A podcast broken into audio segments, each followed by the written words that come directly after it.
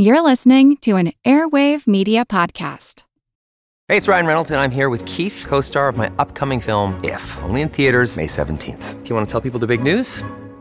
All right, I'll do it. Sign up now and you'll get unlimited for $15 a month in six months of Paramount Plus Essential Plan on us. Mintmobile.com slash switch. Upfront payment of $45 equivalent to $15 per month. Unlimited over 40 gigabytes per month. Face lower speeds. Videos at 480p. Active Mint customers by 531.24 get six months of Paramount Plus Essential Plan. Auto renews after six months. Offer ends May 31st, 2024. Separate Paramount Plus registration required. Terms and conditions apply if rated PG.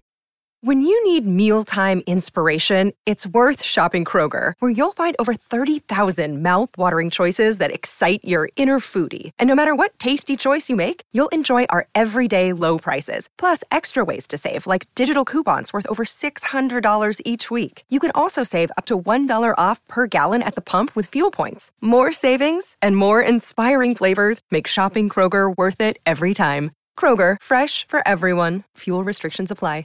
This is Kick Ass News. I'm Ben Mathis. Let me tell you about a no brainer way to improve your finances. Stop letting the big banks use you as their ATM. Every week, thousands are switching from big banks and opening checking accounts at Aspiration because they're fed up with outrageous and wimpy interest rates. Aspiration will pay you up to a hundred times the interest paid by big banks, and you'll have totally free access to every ATM in the world. And Aspiration is a financial firm with a conscience. They give a full 10% of their earnings to charity and let you see your own sustainability score on your purchases. Check it out at aspiration.com slash kickass. And now, enjoy the podcast. Hi, I'm Ben Mathis, and welcome to Kickass News. Just in case you forgot, this coming Sunday is Father's Day. So, in honor of dads everywhere, today I'm talking with Brett McKay, the founder and editor in chief of The Art of Manliness, the largest independent men's lifestyle magazine on the web, with over 10 million monthly page views. Brett is also the host of the popular Art of Manliness podcast and the author of eight books, including The Art of Manliness Classic Skills and Manners for the Modern Man, The Art of Manliness Manvotionals, Timeless Wisdom and Advice on Living the Seven Manly Virtues, Heading Out on Your Own 31 Basic Life Skills in 31 Days, 30 Days to a Better Man, what is Honor and How to Revive It, and his latest book, The Illustrated Art of Manliness The Essential How To Guide Survival, Chivalry, Self Defense, Style, Car Repair, and more. In the book, Brett McKay and best-selling illustrator Ted Slampyak help men be the best fathers, brothers, sons, and men they can be with more than a hundred practical skills every modern man needs to know, from dancing, romancing, and shining your shoes to disarming an attacker, splitting logs, and starting a fire with your smartphone. Today, I'll talk with Brett about his experience as a father, as well as his advice on how to be an awesome uncle, how to manage stress, and use your baby as exercise equipment.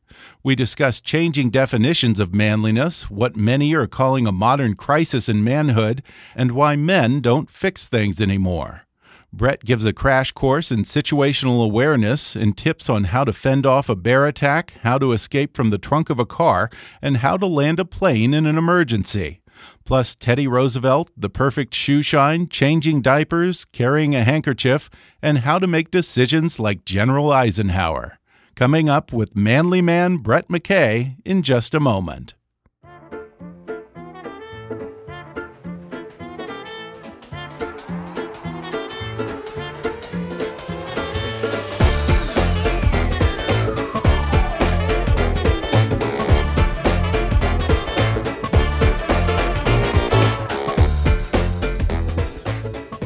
McKay is the founder and publisher of artofmanliness.com, the largest independent men's interest magazine on the web, which he runs with his wife Kate. He's also the host of the popular Art of Manliness podcast.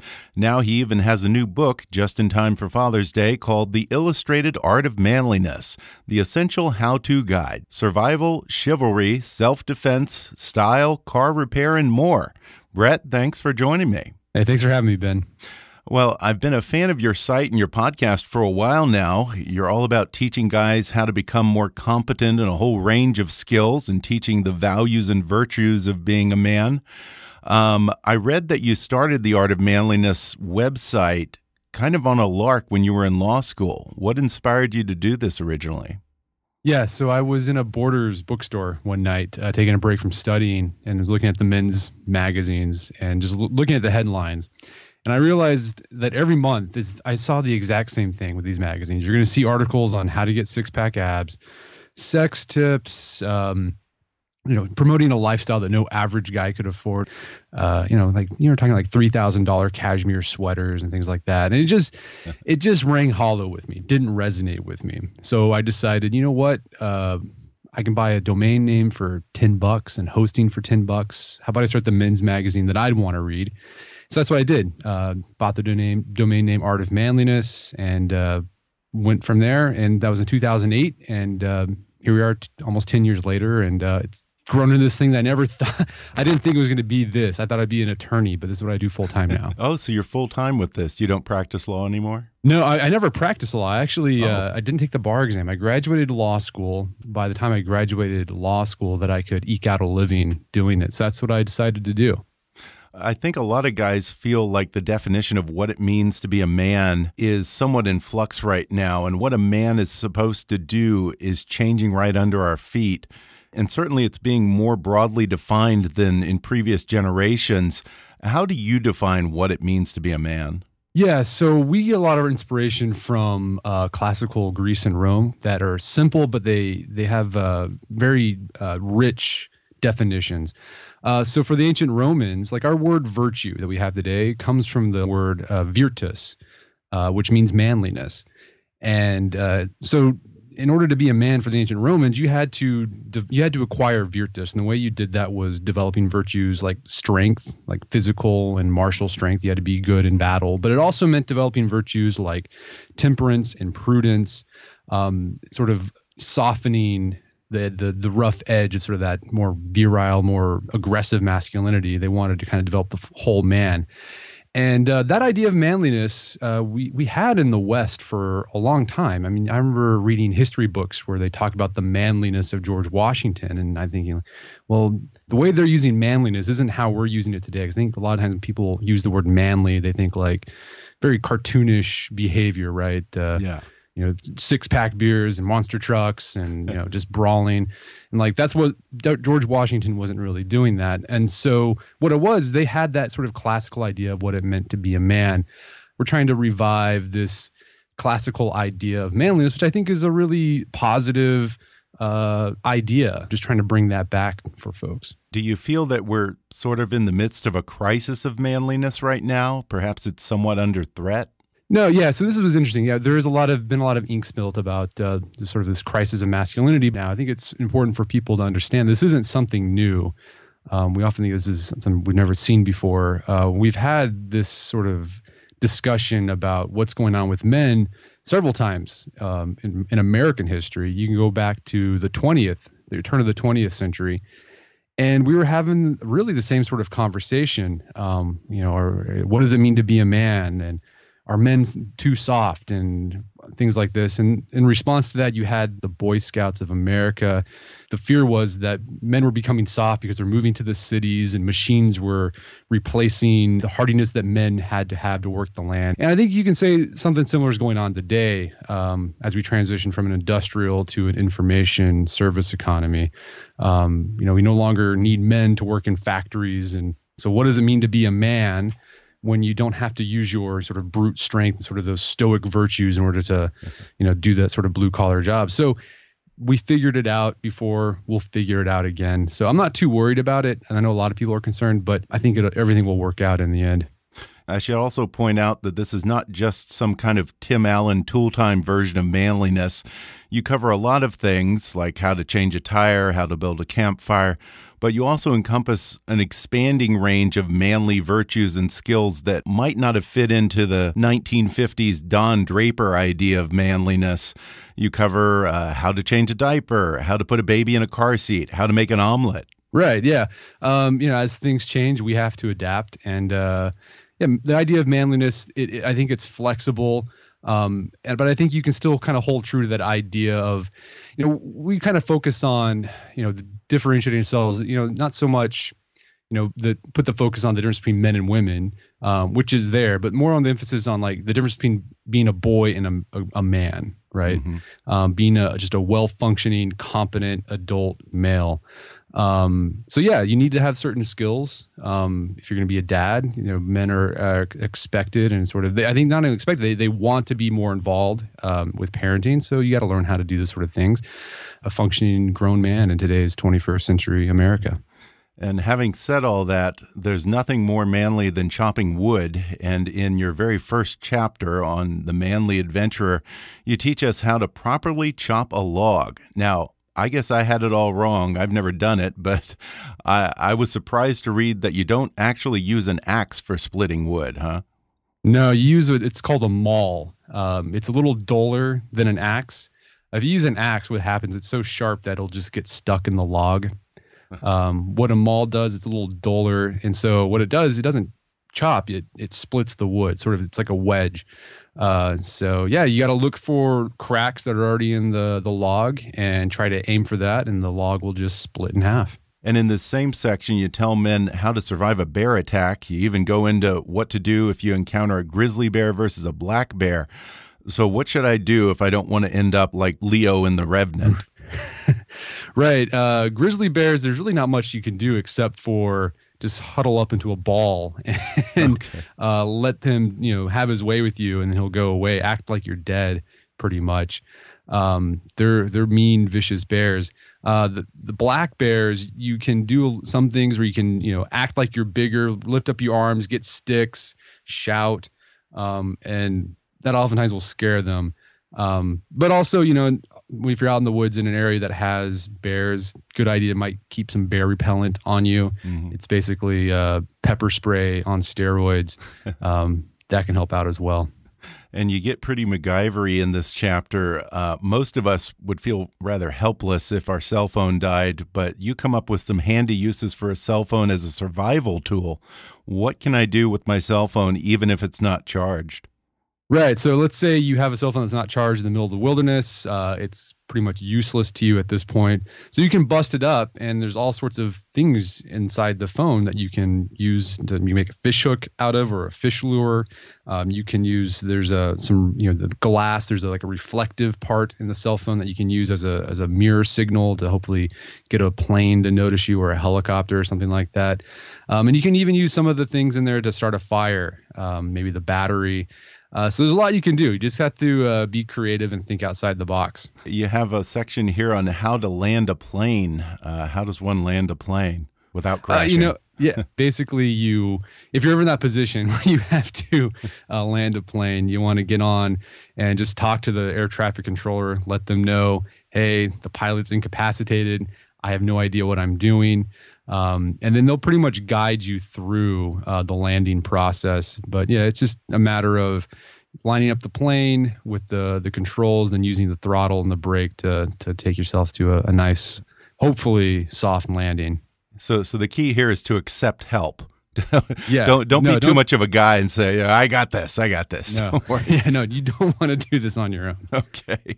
Yeah, another one of these types of situations. Uh, how to escape from the trunk of a car? How do we do that?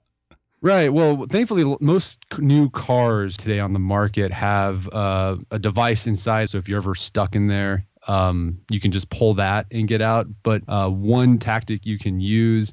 Uh, it's not so much escaping, but like getting having someone notice that you're in the trunk of the car is you kick out the uh, the light, the rear light, mm-hmm. and uh, just stick your hand out and wave frantically, um, so that hopefully someone will uh, see you there. I should point out that the book is illustrated, and I saw in one of the illustrations, it looked like you were using a tire jack yeah, to bust open. That is another option you can do. So you know, oftentimes the tire jack is in the trunk of the car, so you can bust that out and just crank open the trunk. Um, that's another tool that you can use. What do you say to guys who might say, well, the odds of me getting mauled by a bear or having to land a plane are so remote, why should I even have to know these things? Well, it's uh, better to know it and not need it, and need it and not know it. Um, So yeah, you're probably never gonna have this is never gonna happen to you, probably, hopefully. Um, but when it does, it'd be nice to know to have some idea of what you should do uh, in those situations. Um, and also, I think it's just it's just fun to know. I think I think guys like knowing. I mean, I I love learning or reading about different skills um, in sort of diehard situations because I like to know that hey, if I ever find myself in that situation, I could possibly do something about it. So yeah, I think it's manly to be prepared for whatever situation you find yourself in. Yeah, so it's one of those situations where they're not likely to happen, but if they ever do, the stakes are so high. If you're not prepared, then you're dead. So better to cover exactly. your bases, huh? Right. Um, to that end, you talk frequently on your podcast and in the book about developing situational awareness. Now, I think this one is particularly important in an age where most people are completely checked out, staring at their smart devices, and not the least bit present in the moment. Explain what situational awareness is and how a situationally aware man sizes up a room.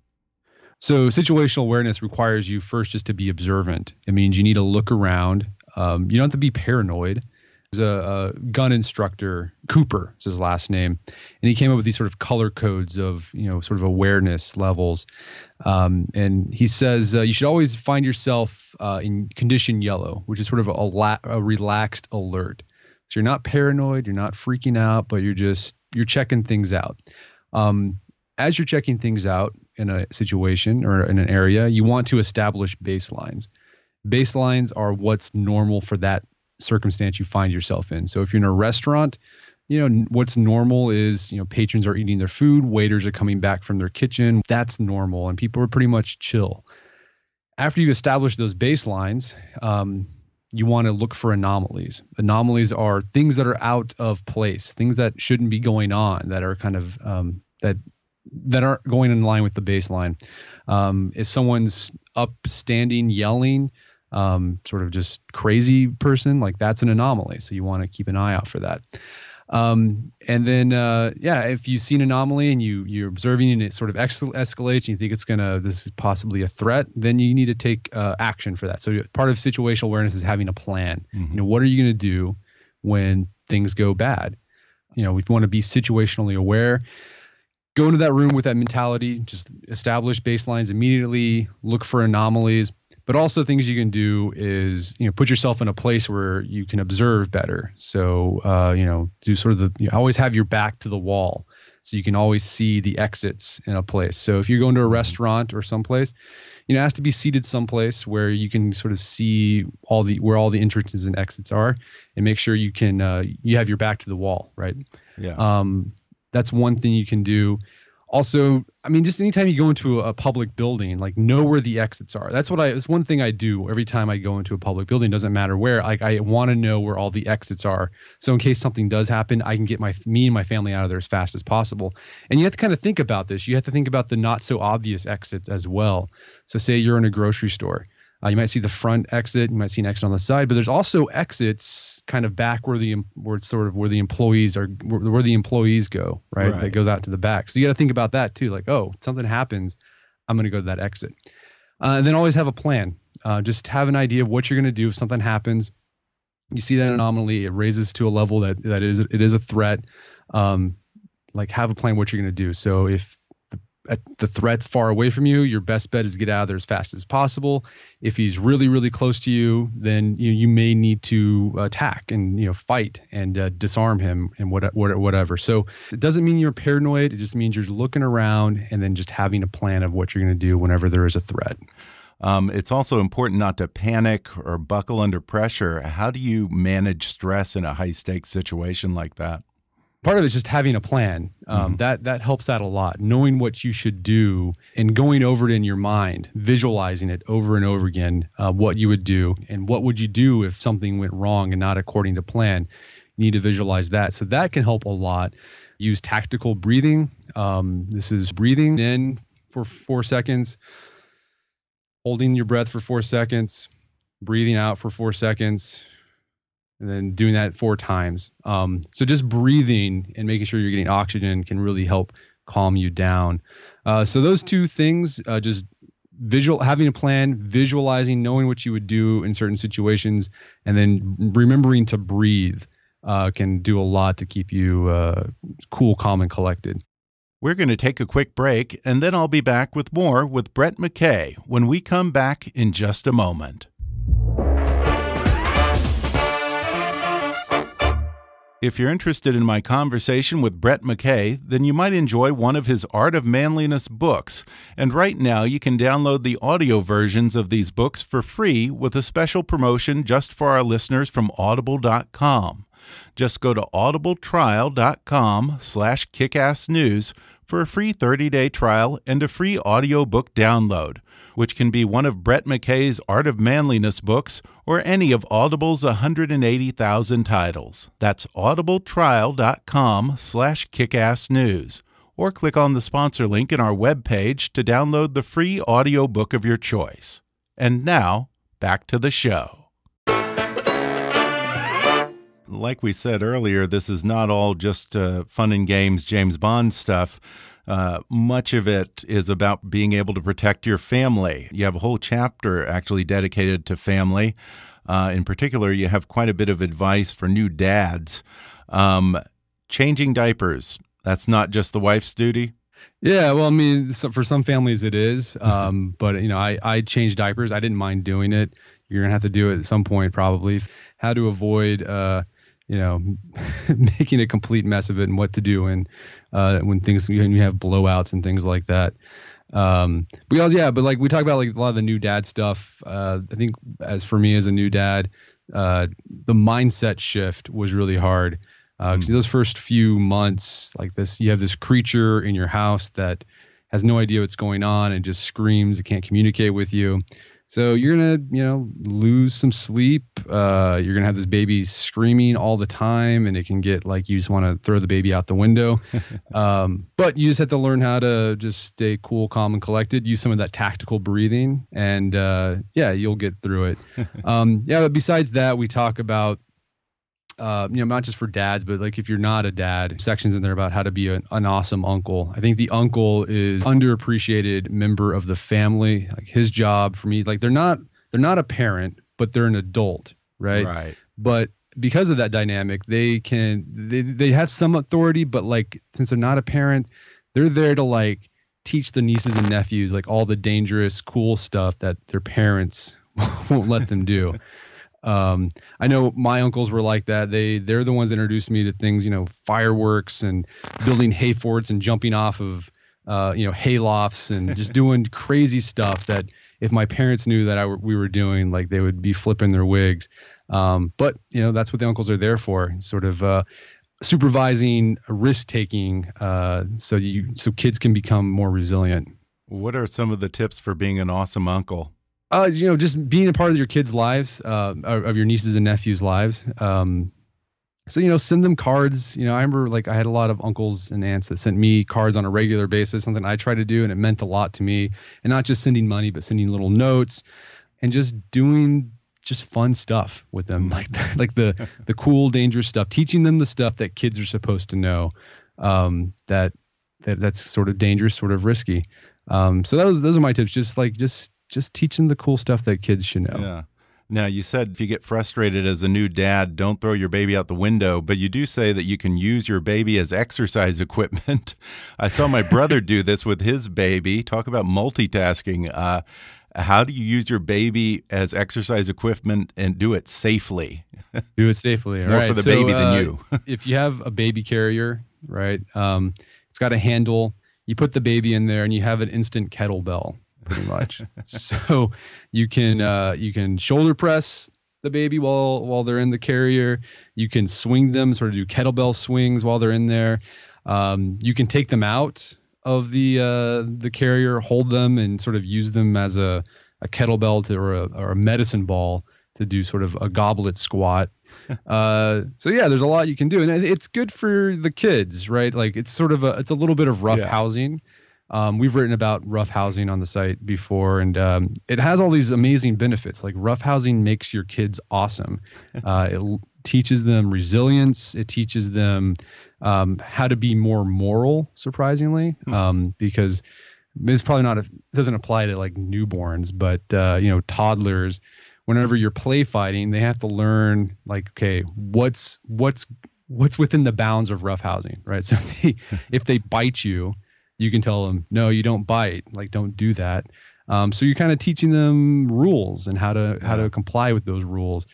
Um, and also it's just good for physical fitness. Um, and this isn't just in humans. Like they, this also applies to other animal species. They found that the males or the fathers are more likely to do sort of the rough and tumble play, huh. and it's an important part of not only animal development but human development as well. But don't use your baby as a treadmill, right? yeah, I don't want to do that. That would, that would go to the gym for that. You talk about the man as a technician in one of the chapters that covers everything from automotive skills to plumbing. You know, my dad comes from that generation, perhaps the last generation that was really skilled at fixing things, whether it was electrical wiring or building something. And he talks about how in his day, if something broke, you got out the toolkit and you fixed it. And he still always says if you take good care of something, it'll last a lifetime. Now, if the sink gets clogged or a lamp doesn't work, most people call someone or throw it out and buy a new one. Do you feel that men's proficiency at repairing things and solving problems is perhaps somewhat under threat by the convenience of the digital age when you can so easily replace something and have it on your doorstep within the same day? Oh yeah, for sure. And I know I'm, I'm guilty of that as well. Um, but yeah, it, it, it does come in handy. Like it, it's it's what in my experience, like I'd hate, you know, instead of waiting for some guy to show up your house, wouldn't it be nice if you can just do it yourself? Um, but yeah, a lot of a lot of guys don't do that anymore. They just it's easier for them to call somebody. Uh, but I, I, would say uh, the internet has made uh, doing stuff by yourself a lot easier, or there's like a less of a, a learning curve thanks to YouTube videos. Mm-hmm. Um, I know there's been instances where I've had to fix something uh, like my dryer. My dryer stopped working, and I was like, "What's going on here?" And I looked on YouTube and found diagnosed that okay, I need to replace the belt. And I just watched this YouTube video, and I was able to do it myself. And uh, it felt, I mean, I'll be honest, it felt pretty darn manly. Like I, I was like, to like, hey, this thing wasn't working, and I worked on it, and now it works now. Yeah. Um. So it it does doing stuff yourself. Um. Definitely provides can save you money. Um but it can also it provides like just it just makes you feel awesome mm-hmm. uh, when you when you can fix something on your own. You you you real you have that confidence. You have the competence to uh, be self reliant and be independent, and that that feels awesome. Now, there's one thing that I get made fun of for all the time. I carry a handkerchief. I think it's useful. Do you carry a handkerchief? I do. Yeah, I carry it in the back pocket. It's something I picked up from my grandfather. Um, and it's great for, you know, when you live in Oklahoma and it's 98 degrees with 100% humidity, it's just great for wiping sweat off. Um, some people find it gross, you know, you blow your nose into it and then put it back in. But, you know, just wash it and don't give it to anybody. Yeah. it's, it's all you got to do. But uh, yeah, the hanky comes in, I think, really handy for the sweat. You have something at the ready to, yeah. to wipe yourself off. And I find that a lot of restaurants have gotten increasingly environmental to the point that they don't provide towels in bathrooms. So they just have the hand dryer. And so I use a handkerchief to open bathroom doors too. I like that. It's MacGyvering it. It's nice. A little bit. Well, it's more sissy MacGyvering it, I guess. But, you know, one thing that you talk about in the fashion section is shining shoes. Now, my dad taught me how to shine shoes, but you know, when I'm out and about, I see so few people that actually take care of their shoes anymore. What is the proper care of one's shoes? Right. So you're you're only going to shine shoes uh, for like leather, right? Mm -hmm. Um, so it, you just the thing is with with shining your shoes, it doesn't just it not only makes your shoes look awesome, it also extends the life of your shoes, puts protective over the leather. Mm -hmm. um, that allows them to last longer, waterproof and things like that. So shining your shoes, uh, everyone's got their own method. You know, I, I learned from my dad uh, how to shine shoes. Like like it was like usually like a Saturday night. He'd bust out all his boots. He wore cowboy boots. Bring out the shoe polish kit, and he'd be watching I don't know like Manta or like some like you know in the heat of the night or something like that. some yeah. awesome cop show from the '80s. Um, but you know the way I do it now is uh, you want to clean off your shoe first. So take a, a, a, just a rag or a sock, get all the dust off. Maybe even like damp the the cloth a little bit. Just make sure you get all that dust off. Uh, then you just get some polish, a little bit, put it on. Make sure the polish matches the color of your shoe. So mm-hmm. black on black, brown on brown, um, and then you just brush it. And what the brush does, it creates friction the heat, and that's what gives you the shine. Mm-hmm. If you really want to get a super super shine on the tip of your shoe, one trick is to uh, use a lighter and so you sort of light the polish a bit. Really? Um, and then, then polish it. Yeah, that's a, huh. a, trick I learned from a guy in, in the military. That's what they what they use to get that mirror shine. Now, you cover manliness and leadership in the office as well. One thing you talk about is the Eisenhower decision matrix, which pretty much is useful across life, not just in work. What is the Eisenhower decision matrix? Yeah, this was based off of a quote that Eisenhower uh, said something about, you know, we often confuse the uh, urgent for important. Um, and so what the Eisenhower's Eisenhower decision matrix does, it creates this four quadrant matrix. Um, the x-axis, it's important, not important. The y-axis, um, urgent, not urgent.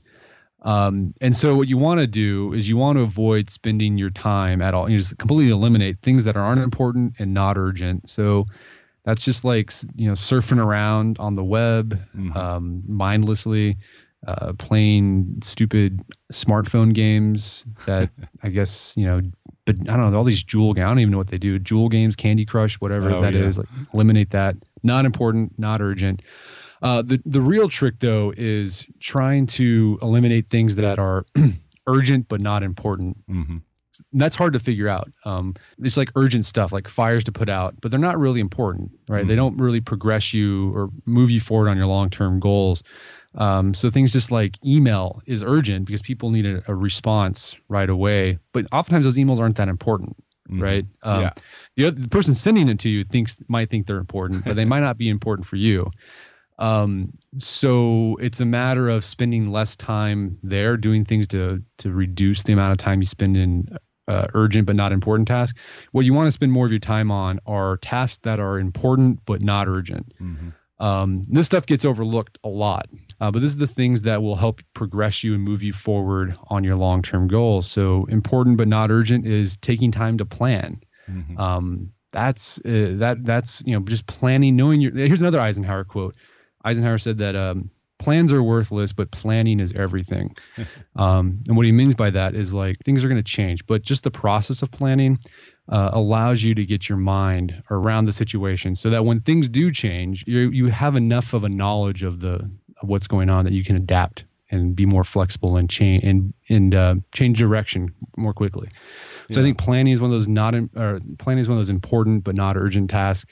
Just taking care of stuff Mm-hmm. Because if you don't do the maintenance on your car, here's an example: you don't do the maintenance on your car, you're going to come a day where the car breaks down, and suddenly you have right. an urgent task that could have been avoided if you just had took took some time and uh, did the maintenance. So that's another example of a, an important but not urgent task.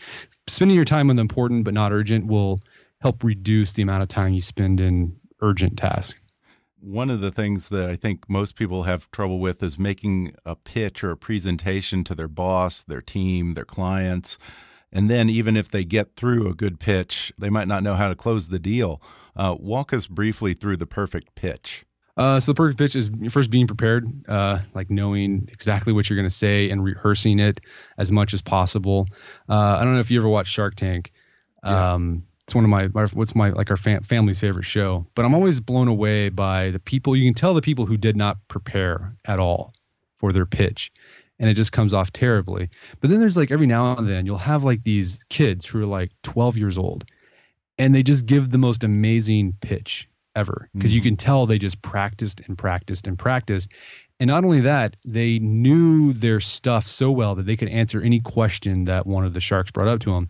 Um, so th- I think those are, there's a lot of things. You, there's a lot you can learn from there. Practice mm-hmm. your your pitch as much as possible, and then just know everything about what you're pitching, so you can answer any question that um, someone might have, uh, whether it's a client or your boss. And if you don't know an answer uh, to a question they might have, which might happen, you don't say just you don't just say I don't know. Uh, you don't first off you don't want to give an answer that's not right. So don't do that. Don't make stuff up. But say I don't know that right now, but I can find out for you as soon as possible and get that to you. Um, So you want to, it's okay to say, I don't know, mm-hmm. but as mm-hmm. long as you follow up with like, I will let you know as soon as possible. Yeah. And then after you do the pitch, you want to make sure you follow through. Um, and do a follow up and say, you know, do you have any questions on what I presented? Is there anything? Do you have any doubts or you have anything, anything, any concerns about what I said or about the presentation? Uh, so that you can use that time to resolve doubts. And then um, once you resolve those doubts, you can make the pitch again and you know possibly refine it and then uh, do what you can to close the deal. What do you think is the biggest mistake that men make in dealing with the opposite sex? Man, that's because there's all sorts of mistakes guys can make dealing with the opposite sex. Um, I mean, yeah, I think you have to understand uh, that men and women oftentimes the way they deal with the problem they're different, right? Mm-hmm. Generally, um, men like to if there's a problem they want to solve it. They want to do something to solve that problem. Um, women sometimes will want to just talk about it you know commiserate and sort of you know li- have someone listen to their problem. I know i've encountered that with my my own wife when she say i got this problem and i'll be like hey all right we're gonna here's what we're gonna do. You can do this. Here's a solution. Here's a solution. She's like no i don't want a solution. I just want you to listen to me and like i want to talk about it. I'm like okay um and so you do that uh, so that's one thing to keep in mind you got to realize how they're thinking and maybe adjust yourself there I, I mean that's the one i can think of off the top of my yeah. head just being married thinking that you know a woman is approaching life the same way you are. Uh, usually not the case. Yeah. Well, before we go, do you have a personal hero who's sort of the manly ideal for you? yeah, of course, that's easy, man. Uh, Theodore Roosevelt. Yeah. Uh, he's sort of the patron saint of the art of manliness. Uh, what I love about Roosevelt is his just vitality uh, this is a guy, you know, when he was 12 years old, had asthma, and he was sort of a nerd. He was like really bookish right. and nerdy. His dad told him, "Need to build your body now." And as a 12 year old, he took this to heart, and he uh, created like a little gym inside his New York City brownstone. I've actually been there; it's pretty cool. Um, had some parallel bars and Indian clubs and medicine balls and started exercising every day to sort of overcome his asthma. Took long hikes um, as a young man. He boxed at Harvard, um, and then uh, you know him, his wife and his mom uh, died on the same day, February fourteenth. He decided to go out to the Dakota Bad Badlands and take try his hand at uh, ranching. Did that, and he was just out there. And uh, what was crazy, you know, he's he was sort of like a city slicker, but the the Cowboys accepted him because he just he had that mentality of just I'm gonna I'm a I'm a I'm a tough dude. Mm-hmm. Um, and then after that, you know, hunting in Africa, he you know you know uh, explored the River of Doubt after his presidency. During his presidency, uh, he boxed and did judo in the White House. Took you know press uh, reporters on these just hikes around Washington D.C. Skinny dipped in the Potomac. Came up with his own regiment and charged San Juan Hill during the Spanish American War. Right. Um, so he had that sort of those hard virtues that we we admire in men, uh, courage, right. that martial spirit. But then he also was able to temper it with some of those more softer virtues. Guy was super smart. Uh, he read just thousands of books in his lifetime. Wrote hundreds of books right. in his lifetime and articles. Um, just and also he had his son said that he had the tenderness of a woman. He was a good family man. Um, and so, I, yeah, to me, he's like he's like the perfect example of sort of a well-rounded man and what we're trying to shoot for here at the Art of Manliness. Favorite manly quote? I mean, you can't go wrong with Teddy Roosevelt's "Man in the Arena" speech. Mm-hmm. There's also he had another quote that I like. Uh, it's um, it says, "If we don't keep the barbarian virtues, then the civilized ones will be of little avail." Mm-hmm. Um, just basically saying, you know, if we want to keep this nice civilization that we have, this sort of this refined idea of we've we've developed, we got to be able, we got to be willing to fight for it and fight for it physically. Yeah, I don't know anyone who crammed more into one lifetime than Teddy Roosevelt. Well, again, the book is called The Illustrated Art of Manliness The Essential How To Guide Survival, Chivalry, Self Defense, Style, Car Repair, and More by Brett McKay. You can also check out his website at artofmanliness.com and the Art of Manliness podcast on iTunes or wherever you get your podcasts. Brett McKay, thanks for talking with me. Hey, thanks so much. I appreciate it. Thanks again to Brett McKay for joining me on the podcast. You can order his new book, The Illustrated Art of Manliness The Essential How To Guide to Survival, Chivalry, Self Defense, Style, Car Repair, and More on Amazon.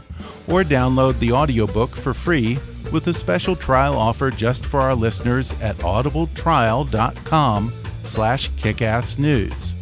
For lots more, check out artofmanliness.com and subscribe to the Art of Manliness podcast on iTunes or wherever you get your podcasts. Follow Brett McKay on Twitter at, at Brett McKay. Be sure to subscribe to Kickass News on iTunes and leave us a review while you're there. Don't forget to take our listener survey. It only takes five minutes at podsurvey.com slash kick. You can visit Kickass News on Facebook and follow us on Twitter at, at KickassNewsPod and be sure to recommend Kickass News to your friends on your social media. And if you really want to help out, then donate to our GoFundMe campaign at gofundme.com slash kickassnews or click on the donate button at kickassnews.com. As always, I welcome your comments, questions, and suggestions at comments at kickassnews.com. For now, though, I'm Ben Mathis, and thanks for listening to Kick Ass News.